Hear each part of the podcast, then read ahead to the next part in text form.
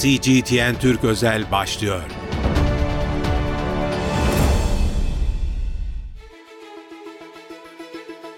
CGTN Türk Özel yayınından merhaba ben İlkay Akkaya. Her hafta olduğu gibi bu haftada ekonomi gündemini yazar Recep Erçin'le değerlendireceğiz. Recep Bey hoş geldiniz. Hoş bulduk İlkay. Sıcak bir ekonomi gündemi var. Evet. Ee, geçen günlerde Türkiye'nin dış ticaret nihai verileri açıklandı. Ardından bugün e, Türkiye'nin gayri safi iç hasıla yıllık büyüme verisi geldi. Evet. E, yine dün Çin ve ABD büyüme verileri açıklandı. Hı hı. Ekonomide açıkçası veri haftası diyebiliriz. Yine para politikası kurulu özet metni yayınlandı bugün. Biraz evvel geldi aslında o da. Tam detaylarına bakamadık. E, tabii şirketlerin çok toplantıları oluyor son günlerde. Yeni yatırım kararları geliyor. E, seçim öncesi ve Ramazan öncesi e, Türk şirketleri de biraz gaza basmış durumdalar. Tabii büyüme verilerine baktığımızda e, ilginç bir şey oldu. Evet, Ee, ne gösteriyor? Ee, 2003 2023 yılı Evet. için 4,5 büyürken e, son çeyreğinde dörtlük bir büyüme gerçekleşti evet, açıklandı. Yani Türkiye deprem çok büyük bir iki deprem yaşadığı e, dönemde 11 il sarsıldı ve 11 Hı hı. ilin üçünde büyük yıkım oldu. Şimdi sanayicilerle konuştuğumuzda e, hala %20-25 eksik kapasiteyle çalıştıklarını söylüyorlar. Neden? Çok ciddi bir göç verdi deprem bölgesi. Göç verdiği için orada işçi bulamama sorunu var. Şimdi devlet orada ciddi inşaat yatırımları yapıyor. E, Biz bunun e, etkisini %7.8 yıllık artışla e, büyüme verilerinde de görmeye gördük. İnşaattaki artış tamamen hani büyük oranda deprem bölgesindeki çalışmalardan ileri geliyor. Ama orada da ustabaşı ve işçi inşaat işçisi sıkıntısı var. İşte önceki gün bir Malatyalı iş insanının söylediği 500 lira günlük görmeye verirken 1500 lira veriyoruz bulamıyoruz dedi. Üstüne bir de ustabaşı zaten hak getire. Hı hı. E, Böyle bir e, vaziyet söz konusu. E, Buna rağmen Türkiye ekonomisi %4.5 büyümeyi başardı. Ama benim ilginç bulduğum nokta şu. Şimdi Nedir? toplam gayri safi güç hasıla büyüklüğü 26.2 trilyon TL. Yani Evet. Türkiye 26.2 trilyon dolarlık yurt içinde bir değer yaratmış. Katma değer yaratmış. Bunun dolar karşılığı 1.1 trilyon dolar. Yani Türkiye artık Türkiye ekonomisi trilyon dolarlık lige çıktı. Yani o 2013'te bir şey vardı. E, 950 milyar dolarlara gelmiştik. Oradan sonra bir erime yaşadık. Çok ciddi bir devalüasyon yaşadığı için. Türkiye bilhassa son 2 yılda e, kur sıçramalarına rağmen, belli kur sıçramalarına rağmen ekonomide uygulanan kısmi tedbir politikası ve yak- e, dar alanda sıkı markaj kambiyo rejimi diyorum. E, her ne kadar seçim sonrası Mehmet Şimşek e, e, kin kaptanlığında bir ekonomi yönetimi e, iş başına gelmiş olsa da bu dar alanda sıkı markaj kambiyo rejimi e, daha gevşek e, anlamda da olsa devam ettiriliyor. Bunun da kur üzerinde bir yarattığı baskı var. Nedir o baskı? E, normalde kur artışının enflasyon oranında e, olması beklenir, istenir. Fakat Türkiye'de öyle olmuyor. E, biraz e, geçen dönemlerde e, izlenen faiz politikası yüzünden ekonomik aktörler e, baltayla, sopayla, e, kılıçla, mızrakla e, Türk lirasına saldırdığı için maalesef ciddi bir dezenflasyon, şey e, deflasyon yaşadık, şey yaşadık, e, devalüasyon yaşadık. Pardon düzeltiyorum. Kavramlar artık birbirine Karıştı, karıştı. D, evet. D, D gidiyor. Ondan sonra Çünkü de hepsi gündemimizde. Dezenflasyon var, deflasyon var. Ee, bir de gayri safi iç hasıla deflatörü var ona hiç girmeyelim. Çok teknik bir terim Evet. tabii. Şimdi e, o süreç yaşanınca böyle ani kur sıçramaları yüzünden aslında enflasyon önünde gitti kur. Enflasyon önünde giden kur, çok önde giden kur. e, ekonomik aktörler nezdinde kur artıyor, her şey zamlanacak ithalat fiyatları üzerinden işte akaryakıt bilmem ne derken bu sefer enflasyon dalgası çok ciddi şekilde geldi. Yani Türkiye bu süreci dünyada yaşanan pandemi sonrası e, yaşanan enflasyonist dalgayı belki %20'ler 30'lar bandında kurtarabileceksen kurtarabilecekken 60'lar 70'ler bandlarına hatta bir ara 80'lere kadar çıktı. Şimdi o 70 bandında tutmaya çalışıyoruz. E, İnşallah ekonomi yönetimi Merkez Bankası'nın tabiriyle 40'ın altına indirecek. Geçen sene Haziran'da olduğu gibi bu sene sonunda. Piyasadaki etkisi ne oluyor peki bu Evet. işlerin? Şimdi e, oraya geldiğimizde e, şimdi burada baskılanan kurun bizim milli gelir üzerinde dolar bazında nispi olarak yani 1 trilyon dolarlık ekonomiye bizi taşımış oldu. Dünya liginde Türkiye şu anda 1 trilyon dolarlık bir ekonomi. Bu önemli bir gösterge. Nomin, e, cari fiyatlarla Türkiye ekonomisi dolar bazında %23,5 büyüdü. Bakın bu önemli bir veri. %23,5 büyüdü. Ha şayet kur enflasyon kadar artsaydı ne olurdu? Yani bugün kur, kur e, e, ortalama kurları ben size şimdi söyleyeyim mesela e, çeyrekler itibarıyla. Dördüncü çeyrekte 27.69. E, üçüncü çeyrekte 25.95. ikinci çeyrekte 20.26. Birinci çeyrekte 18.86. Şimdi Ne anlama geliyor bunlar? bunlar dolar kurunun seviyeleri. Yani hesaplanırken milli gelir. İlk ilk 3 ayda dolar kuru ortalaması 18.86 alınmış. Öyle gerçekleşmiş. İkinci 3 ayda 20-26'ya gelmiş. Bakın kademeli gidiyor. Son çeyrekte 27. Yani yılın başında biz ilk 3 ayda 18 TL'lik bir ortalama dolar kuru varken yılın son çeyreğinde 27 TL'lik olmuş. Neredeyse 10 TL'lik bir orada bir eee barem var. Buna rağmen ekonomi dolar bazında büyümeyi başardı. Yüksek büyümeyi başardı çift taneli. Ama bu 27 değil de 37 olsaydı o zaman dolar bazında daha düşük bir büyüme görecektik. 1 trilyon dolarlık ekonomi olamayacaktık. Şimdi öyle de bir şey var. Bazı hani ekonomide bazı e, makro verileri oluştururken kamunun e, ekonomi üzerindeki etkisini hesaba katmak lazım. Şimdi zamanında biz şimdi 700 milyar dolara falan düşünce herkes o biz ligden düştük artık Türkiye 20'de yer almayacak falan gibi laflar ediyor. Ben dedim ki arkadaşlar saçmalamayın. Ya bu tamamen e, kur kontrolünün olmamasından kaynaklı. Kuru dengelediğiniz vakit Türkiye 1 trilyon dolarlık bir ekonomidir. Peki Büyüklük ekonomi bu kadar büyürken e, aşağıdaki yansıması, Oraya sokaktaki yansıması, halk niye bu kadar fakirleşiyor? Evet, oraya gelmeden önce birkaç noktayı daha aktarmam gerekiyor sana şimdi büyüme verileriyle ilgili. Evet. Şimdi biz ne gördük? E, kişi başına 13.1 milyar dolarlık, e, bir e, bin- 13.1 bin dolarlık kişi başı milli gelir gördük.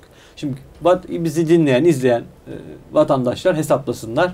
E, geçen yılki gelirleri aylık, ay yıllık 13.1 bin dolar mı? Yani bu ne kadar yapıyor TL bazında? 300 mil, milyar, bin lira falan yapıyor. 300 bin lira falan. Hı hı. Yani geçen yılki geliri toplam yıllık geliri 300 bin lira olan vatandaş Türkiye milli gelirinden hak ettiği payı almış demektir. Hane değil ama kişi başı anlamda söylüyorum. Ee, ben şahsen alamadım o kadar. Ben, ben Evet. oraya ulaşamadım yani. Büyük ihtimal Biz ücretli herkes şu an aynı şeyi söylüyor. oraya işte hı. tam söylediğin nokta. Ee, kim aldı peki bunu? Türkiye'de gelir dağılımı o kadar bozuldu ki e, senin benim almam gereken payı başkaları almış oldu. Onlar daha da zenginleşmiş oldu. Gelir uçurumu arttı. Şimdi e, ne oluyor? Gayri safi milli hasılada e, işçi ödemelerinin aldığı pay %32.8'de kalıyor. İş gücünün yani bizim gibi ücretler sınıflarının aldığı pay 32'de kalmış. Yani üçte biri bize gelmiş. Ee, ondan sonra geçen senenin yıl sonunda bu 26.3'müş. Yani orada bir düzelme yaşanmış aslında bakınca. Niye? İşte e, asgari Asgari ücrete ücret. yapılan iki üst üste zam, diğer ücretlere gelinen zamlar filan biraz durumu toparlamaya yetmiş. Onun dışında e, çeyrekler itibariyle baktığımızda yani dördüncü çeyrekte iş gücü ödemeleri %29.7'de kalıyor. Yani üçte birin birazcık altında kalıyor aslında. Daha tam toparlanamamış. Ee, ama geçen senenin e, yani 2022'nin dördüncü çeyreğine göre orada 5 puanlık bir düzelme orada da görüyoruz, yaşıyoruz yani en azından. Bunlara ek olarak e, Türk İş'in e, çalışması da açıklandı. Açlık sınırı rakamları, açlık yoksulluk. Açlık sınırı 16.257, yoksulluk sınırı da 53.000'e dayandı. 52.955 liraya yükseldi. Şimdi açlık sınırı bir daha söyler misin bana? On- 16.257 TL. 16.257 Evet. TL. Şimdi aylık bu değil mi? Şimdi aylık. Evet. E, 16'yı 12 ile çarpacağız şimdi mesela. Ne yapıyor? Ee, oradan hesapladığımızda e, çok ciddi bir 160 falan filan koyarsak yani mi- as- e, neredeyse milli gelirin yani olması gereken milli gelirin yarısı kadar bir şey ortaya çıkıyor. Ee, yoksulluğu koyduğumuzda milli gelirin çok çok daha üzerinde bir e, tutar ortaya çıkıyor. 40 bin lira mı demiştin? 53. Yani 53. 53, diyebiliriz. 52.955 Tabii olmuş. 53 koyunca çok daha yüksek bir tutar Evet. ortaya çıkıyor. Yani bu sefer ne oluyor? Geçen seneki ortalama milli gelir, kişi başına milli gelirin nereden baksan e, iki katına yakın bir tutar ortaya çıkıyor. E, hanede iki kişinin e, milli gelirden aldığı payın esas itibariyle olması 300-300 olması gerekir ki yo, o hane yoksul olmasın. Yani iki Evet. çalışan da e, yıllık gelirin 13 bin dolar olması lazım. Yani 26 bin Çünkü dolarla bu 4 yoksulluktan kişilik kurtulsun. bir ailenin Tabii. açlık yoksulluk Yani- rakamı. E, tek bir kişi e, TÜİK, Türk İş'in verilerine göre 13.1 bin dolar dikkate altımızda bugünkü kurla bile hesaplasak ondan sonra e, tek bir kişinin çalışması şeye yetmiyor. Haneye yetmiyor. Yetmiyor, Haneyi evet. yoksulluktan kurtar. Belki açlıktan kurtarmaya bir nebze yetiyor ama yoksulluktan kurtarmaya yetmiyor. İki kişinin çalışması ve onların da milli gelirden Türk TÜİK istatistiklerine göre Hı hı. e, tam payını alması gerekiyor. 13.1 bin dolar alması gerekiyor. Şimdi az önce bir inşaata değindim büyüme verilerinde. Tarım 0.2 daralmış. E, sanayi 0.8 artabilmiş sadece. Zayıf bir sanayi büyümesi. E, çöken bir tarım, azalan bir tarım, Tarım üretimi. için evet alarm Ee, seviyesi. evet ve tarım çoktandır böyle. Hizmetler sektörü 4.6 artış var. Finans kesiminde %9'luk bir artış var yıllıkta. Şimdi finans kesimindeki artış neden kaynaklı? Kredi kullanımı. Çok ciddi bir kredi kullanımı, bankacılık, finans kesimi. Hizmetler turizmin etkisiyle orada 4.6 büyüyor. Yani milli gelir, ortalama milli gelir büyümesinin üzerinde artan şeylere, kalemlere baktığımızda hane halkı tüketimi yüksek düzeyde ee, %12.8. Yani tüketimle kredilendirmeyle ve ithalat artışına baktığımızda da %11.7. İthalatla büyüyen bir ithal tüketim yapılıyor. O ithalat milli gelir büyümelerine negatif yansıyor ama sonuçta ithal mallar içeride kullanıldığı için ara mamul bilmem ne şu bu falan derken e, ithal eden, ithal ettiğine döviz ödeyen, e, içeride e, kredilendirmeyle fonlanan e, ve esas itibariyle senin söylediğin gibi her ne kadar milli gelir büyüklükleri makro anlamda yüksek olsa da yoksullaştıran bir göreli olarak yoksullaşan ve yoksullaştırılan bir Türkiye söz konusu. Bu büyüme Büyüme rakamları sokağa yansımıyor diyebilir miyiz? sürdürülemez. Kesinlikle Evet. büyüme verileri sokaktaki vatandaşa, sokaktaki vatandaşın cebini yansıtmıyor gerçek anlamda. Çünkü Hı hı. nedir? Gelir dağılımı eşitsizliği olduğu için burada bir adaletsiz bir dağılım söz konusu. Nitekim Sayın Mehmet Şimşek de aslında bunu ifade etmiş bugünkü açıklamasında. Ee, diyor ki e, Mehmet Bey biz geldikten sonra diyor önceki çeyrek iki çeyrekte iş talebin büyümeye katkısı 8.8 puandayken 4 6.6 puana geriledi. Ee, dış ticaretin negatif etkisi de 4.9 puandan 1.6 puana geriledi. Yani biz diyor biraz dengeleme getirmeye başladık ikinci şeyde.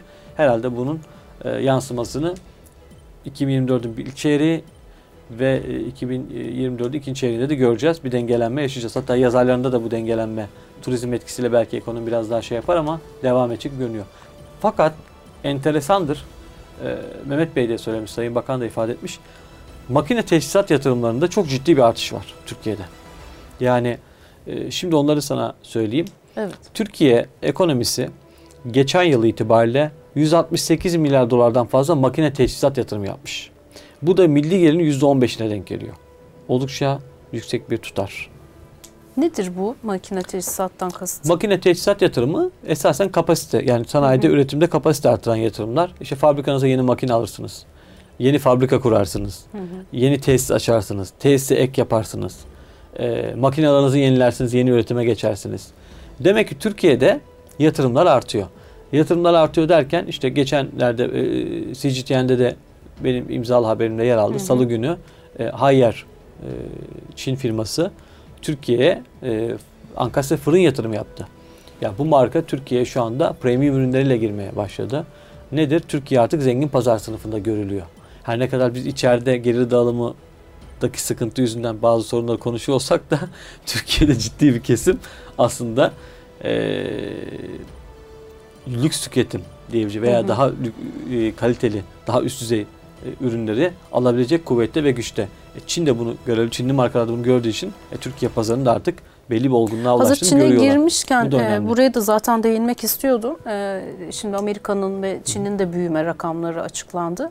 Şimdi Çin'le olan e, bu ilişkilerde hazır konuşulurken e, Çin'in büyüme rakamını nasıl değerlendiriyorsun? Çin %5.2 büyüdü. Evet. E, gerçekten hani e, küresel Bu koşullar da çünkü dikkate Türkiye'de çok çok alındığında- konuşulan bir şey. Evet. E, Ç- Çin üzerinden de çok fazla spekülasyon da yapılıyor bu konuda Türkiye'de. Maalesef çünkü Türkiye'deki Türkiye halkı mesela Avrupa e, Avrupa zaten kendi kafasına göre takılıyor şu anda. Ben ben de mesela hep söylemiştim. Yani geçen de bir yerde daha söyledim. E, bu Rusya meselesi Avrupa'da iktidarları değiştirecek. Hı hı. E Bakın İtalya'da değiştirdi. Fransa'da Macron da kalıcı olmaz. Le Pen güçlü seyrediyor. Amerika'da iktidar değişiyor. Trump tekrar geliyor. Ve bakın bu Rusya meselesi yüzünden. Almanya'da Schulz bence çok kalamaz. Ee, İngiltere'de geçenlerde neyi gördük biz? E, Truss'un mesela açıklamalarını gördük. 50 gün bak, başbakanlık yaptım o dedi. İşte, işte derin devlet var bilmem ne var falan. Müesses nizam var falan gibi bir sürü laf etti. Orban'ı devirmek istediler deviremediler. Orban orada duruyor. E, Zaten bu yıl dün bütün dünyada Sırbistan, Hırvatistan seçimler yılı. tabii farklı bir şey izliyor. Yani Avrupa'da Avrupa siyaseti kendi içerisinde bir hengame içerisinde Avrupa Birliği nasıl tutarız, nasıl tutmayız, daha geliştirebilir miyiz falan filan gibi devam ediyorlar. Türkiye'de maalesef çok fazla batı basını endeksli olduğu için e, Çin'i anlayamıyor. Rusya'yı da anlayamıyor aslında. Yani Çin'i anlamak diye bir şey lazım. Çin'i anlamak kılavuzu Türkiye'de. Çünkü Çin başka bir dünya.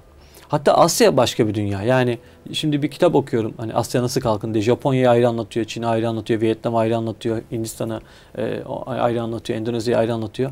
Ya bu ülkeler başka bir coğrafya, başka bir kültür ve e, bunların büyümeleri. Bugün bakın Çin ekonomisi dünyanın dünya büyümesinin yüzde otuzunu üçte biri, üçte birini kompanse ediyor. Yani bugün Çin Çin'i devreden çıkartın dünya büyüyemez. Açık söyleyeyim. Yani dünya büyümesi diye bir şey olmaz. İşte Amerika bir yerden sürüklemeye çalışıyor. 2003'te çünkü Avrupa ekonomilerinde çok ciddi bir resesyon ve küçülme gördük. Çin 5.2 büyümesiyle bir de Çin'in mal sattığı ülkeler daha çok Amerika ve Avrupa olduğu için bugün Amerika ne yapıyor? Bir sürü ambargo koyuyor Çin'e mesela. Engellemeler çıkartıyor vesaire. E, o niye yapıyor? E, Çin'i kategorik düşman gördüğü için çünkü Amerika e, ekonomik üstünlüğünü kaybetmemek için e, Avrupa'daki firmaları kendine çekmek için, kendi firmalarını kendi içerisinde yatırım artırmak için, istihdam artırmak için öyle bir yöntem belirliyor. Kendi Strateji. çıkarı için öyle bir strateji belirliyor. E, Çin'in mal sattığı pazarlarda bir taraftan orada Amerika engelleriyle karşı, öbür tarafta Avrupa pazarı küçülmüş durumda. Ona rağmen Çin ekonomisi 5.2 büyümeyi başarmış durumda. İşte bunu bir incelemek lazım. Yani Evet. Türkiye'deki uzmanların Çin nasıl başardı? Bakın Çin nasıl başardısına başka bir yerden daha yaklaşmak istiyorum. Şimdi onların kişi başı geliri 12.400 dolar. Biz onlardan fazlayız görünüyor. Çin'den fazla. Ne kadar fazlayız? 600 dolar filan fazlayız. Ama e, tabii Çin'in nüfusu dev bir nüfus. Onu da dikkate almak gerekiyor. Bir de e, Çin'in e, taşra kesimlerinde çok yoksulluk vardı. Fakat Birleşmiş Milletler verilerine göre Çin dünyadaki yoksullaşmayı en çok azaltan ülke oldu. Yani öyle bir kalkınma hamlesi gerçekleştirdi ki Birleşmiş Milletler Çin'i tebrik etti. Dünyadaki yoksullaşmayı azalttınız diye. Şimdi bunu da dikkate almak. Çünkü dünyada da Şimdi büyük bir Türkiye'de yer bunu kaplıyor. bilmiyor adam. Adam bunu bilmiyor sallıyor tamam mı? İşte Çin'de diyor asgari ücret şu kadar. Ya bilmiyorsun kardeşim öyle değil o işler. Yani her ülkenin işte Mısır'ı konuşmuyorsun. Mısır'daki asgari ücret çok daha düşük. E Çin'de bugün büyük eyaletler bazında, sanayileşmiş eyaletler bazında e sen gidip o e, Türkiye'deki asgari ücretli adam çalıştıramazsın. Bulamazsın çünkü. Çünkü nüfus bambaşka bir yere gelmiş vaziyette. E, taşrada tarım yapan nüfusun gerçekliği farklı. Nasıl bizim Diyarbakır'da, Mardin'inde, Sakarya'nın ovalarında taşradaki gelir ve model farklıysa orada da öyle. Şimdi sen buradakini kabul ediyorsun. Oradakine gelince en alttaki şey veriyi alıp Çin'de böyleymiş diyorsun. E bu cahillik tabii. Maalesef Türkiye'de Tek bir cehalet var. kaynaktan beslenmemek Maalesef. lazım sanırım. Tek kaynaktan ve Peki cehalet var orada. Amerika'nın e, büyüme... Şeyi de söyleyeyim. Çin'in e, 2024'te de %5.3 büyümesi bekleniyor. E, bu Global Times'ta yer alan bir analizden bunu aldım. E, yani gene dünyanın e, büyüme motoru olmaya devam edecek. Bir de geçen yıl Çin dünyanın en büyük otomotiv ihracatçısı ülkesi oldu. Evet o da Bu da bu da önemli. e, önemli bir veri. Yani otomotiv sektörü bize Batı ile bilirdik falan Amerika ve Avrupa. Çin de orada öne geçmiş durumda. Evet. E, Amerikan ekonomisi ise e, 3.2 ile beklentilerin altında büyüdü. Evet yani Amerika tabii 25 trilyon dolar dev bir ekonomi. Yani dünyanın en büyük ekonomisi sonuçta. Ondaki tabii böyle %3 büyümesi bile Amerika'nın açıkçası e, şey enteresan bir şey işaret ediyor. Çünkü hep genelde bir bir buçuk büyümeler falan gördük Amerika gibi dev bir ekonomide. 3.3, 3.4 falan bekleniyordu. 3.2'de kaldı öncü göstergeler. Orada tabii e, biraz e, nasıl diyeyim size Amerika'nın e, enflasyonla mücadelesi pek de beklendiği ve umulduğu gibi gitmiyor. Çünkü Amerika'da şunu keşfetti. Her ne kadar FED ben enflasyonla mücadele ediyorum, şahin politika izliyorum demiş olsa da e, bugün Trump'ın yükseliyor olması, geçen hatta bir görüntü gördüm. E, bir Teksaslı bir kadın galiba bacakları sakat veya trafik kazası mı geçmiş. Ona rağmen beni oy vermeye götürün, Trump'a oy vereceğim diye söylemiş. E, Amerika'da da başka bir ortam oluşmuş vaziyette. Çünkü oradakiler de artık doların hegemonyasının dünyada sağladığı avantajın eskisi kadar e, o dev açıklar ekonomisini Amerika Amerika bir açıklar ekonomisidir. Bir yere Borç geldi yani. ekonomisidir. Evet. Orada bir noktaya geldiğini artık bundan sonra dengelenmesi gerektiğini düşünüyorlar. O dengelenmeyi Amerika tarafı dünya ile çatışarak mı yapacak, uzlaşarak mı yapacak meselesindeyiz. Ee, Biden tırnak içerisinde uzlaşarak olacağına yönelik bir algı yaratıldı demokratlar filan ama aslında öyle olmadığı. Aslında Trump'ın biraz daha uzlaşmacı işte, evet. olduğu e, anlaşıldı. Ama tabii yeni dönemde nasıl politika izler, nasıl gider onu bilmiyoruz. Bakacağız. E, dünyaya açıldık ama son olarak e, artık bu rutin gündemimiz haline geldi kredi kartı meselesi. E, burada da çeşitli açıklamalar yapıldı ve herkes bir panik halinde orada yeni bir düzenleme mi gelecek diye hala bekliyor. Bakan en son e, yok dedi ama e, buradaki son gelişmeler nedir? Ya İlkay şöyle düşünüyorum ben. Ee, bir defa Türkiye'de e, 1 milyar dolarlık ithal ayakkabı geçen sene satıldı. Ya Şimdi yani enteresan. Ee, Türkiye'de spor ayakkabı yok mu da 1 milyar dolarlık ayakkabı satılıyor? Meselesi gündem. Ee, bana kalsa kredi kartlarındaki düzenlemeden ziyade yani kartların limitlerini kısalım, taksit sınırlarını zaten taksitler sınırlandırıldı biliyorsun. Şimdi beyaz eşyada sınırlandırıyorsun, mobilyada sınırlandırıyorsun. Ya kardeşim Türkiye mobilya ülkesi. E Şimdi mobilyada niye sınırlandırıyorsun? Bu bir ihtiyaç malzemesi. Şimdi beyaz eşya artık bir evde ya beyaz eşya lüks değil artık. Değil, evet. Beyaz eşya zorunlu ihtiyaç. Bir de beyaz eşya artık tüketime yönelik de üretildiği için çünkü teknoloji çok hızlı ilerliyor ve ona adapte olsun diye de Hatta kısa ömürlü üretiliyor. Mesela ben hükümetin yerinde olsam e, A sınıfı yani enerji verimli beyaz eşya ürünlerine ilave taksit imkanı yaparım. Evet. ÖTV'ye düşürürüm ki o ürünler vatandaş hem hem ekonomi biraz canlansın o konuda. Çünkü beyaz eşya önemli bir unsur. Çok sanayi şey sağlıyor. Hem de evlerde vatandaşlar daha yeni ürünleri alsınlar. Enerji maliyeti düşsün. Bir buzdolabını düşün 24 saat çalışıyor. Eski bir modelse har har har har Evet. dünya kadar elektrik yakıyor. Şimdi bugün faturan senin 200 liradan 100 liraya düşse hem devletin kasasına enerji ithal ediyoruz ya hem senin cebine bir şey avantaj sağlıyor. E, Türkiye zaten beyaz eşya üreten bir ülke. Dolayısıyla lüks değil yani bu De- tür değil, harcamalar. değil yani biraz böyle bu kalemlerde biraz şey yapmak gerekiyor bence. Ya vatandaşın şeyini kısıtlamak yerine e, zaten ben bunun da mesela enflasyonist etki yarattığını çok düşünmüyorum. Çünkü e, bizim bizde enflasyonun talebi yaratan şey. Mesela beyaz eşyada adam talep var diye çok zam yapamaz. E, cep telefonu ithal geliyor.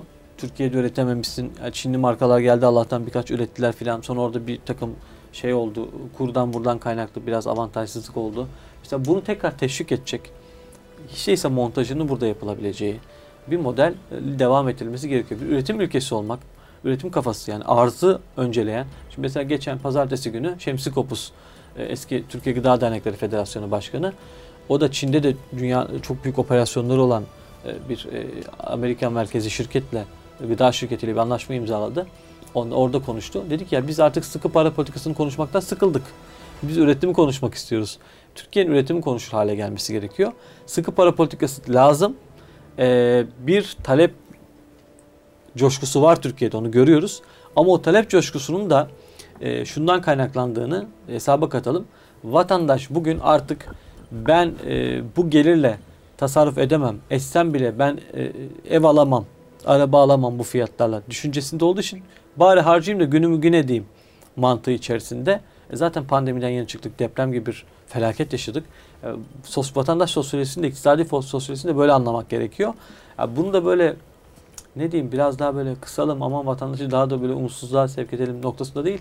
Ki bence öyle yapılmayacaktır da ben size söyleyeyim. Çünkü çok ciddi bir kredi kartı sıkıntısı var Türkiye'de ve e, ödenmeme sıkıntısı da artıyor. Evet. Ee, o yüzden hani orada belki çok yüksek limitli kartlara belki bir şeyler gelebilir. Hı hı. Veya hani atıyorum kredi kartıyla işte altın almayı falan kısıtladılar ya. Belki Evet. orada atıyorum hani ne olur e, ithal mallar özelinde belki bir düzenleme yapılır yapılamaz hı. bilmiyorum. Böyle ufak tefek rotuşlar yapılacağını düşünüyorum. Çok böyle sert bir tedbir açıkçası beklemiyorum. Zaten e, o kredi kartlarının çok da böyle e, enflasyonist etki yarattığını açıkçası Zaten söyleyemem. sadece vatandaşlar açısından değil, şimdi e, bu hafta açıklamalar da geldiler. Esnafı da etkileyecek Tabii tabii tabii. e, boyutta bir e, Çünkü Anadolu'da olur. vatandaş kredi kartıyla alım satım Evet. yapar. Oradan döndürür şeyini, Hı hı. mülkünü. Türkiye'deki esas sorun fiyatlama davranışlarının bozulması. Fiyatlama davranışlarının bozulması nedeni Türkiye'de izlenen düşük faiz politikasıdır. Faizin fiyatını yanlış belirlediğimiz için yani paranın fiyatıdır faiz. Bütün fiyatlamalar bozuldu. Ee, bir ahlaksız piyasa mekanizması oluştu Türkiye'de. Bu ahlaksız piyasa mekanizmasının önüne geçmek için e, evet mevduat sahiplerine TL'de kalmaları için tekrar bir kur hata yaşamak için TL'de tutacak kadar bir faiz verilmesi gerekiyor. Orada bir takım sıkılaştırmalar lazım. Fakat arzı kısacak şekilde bir politika izlenmemesi, üretimi destekleyecek şekilde bir kredilendirme politikasının izlenmesi lazım. Onun dışında da vatandaşa artık bir umut verecek bir e, inandırıcılık noktasına gelmesi gerekiyor ekonomi politikalarının. Sayın Cumhurbaşkanı bu iradenin arkasında duruyor ama maalesef ülkedeki siyasal kutuplaşmadan dolayı artık bizim bence e, bütün Türkiye siyasetinin şu kutuplaşma şeyini bırakıp e, artık Maalesef, evet. genel seçimleri de geride bırak. Şimdi yerel seçimler var falan. Orada da kim seçilecek seçilsin en iyi kim aday olacaksa o yapsın da bir artık bı- bırakıp ya biz bu ülkeyi hep beraber nasıl kalkındırırız e, noktasına e, gelmeleri gerekiyor. Çin böyle yaptığı için başardı. E, Türkiye'de o hani o zihniyeti izlemesi lazım diye düşünüyorum ben. Evet. Özellikle kredi kartı ile ilgili tartışmalar devam edecek gibi görünüyor. Ee, seçimden sonra ya da herhalde bunları konuşuyor olacağız evet galiba. muhtemelen e, bir iki şey gelir onların detaylarını konuşuruz. Evet. Teşekkür ediyorum Recep Erçin. İnşallah. CGTN Türk özel yayınında yazar Recep Erçin'le, ekonomi yazarı Recep Erçin'le gündemdeki son gelişmeleri değerlendirdik. Bugün büyüme rakamları açıklanmıştı. Büyüme rakamlarının her ne kadar büyüme e, gerçekleşse de sokağa yansımadığının altını çizdik. Gelir dağılımındaki eşitsizliği vurguladı Sayın Recep Erçin. Bugünlük bize ayrılan sürenin sonuna geldik. Biz gelişmeleri takip edip aktarmaya devam edeceğiz. Hoşçakalın. CGTN Türk özel sona erdi.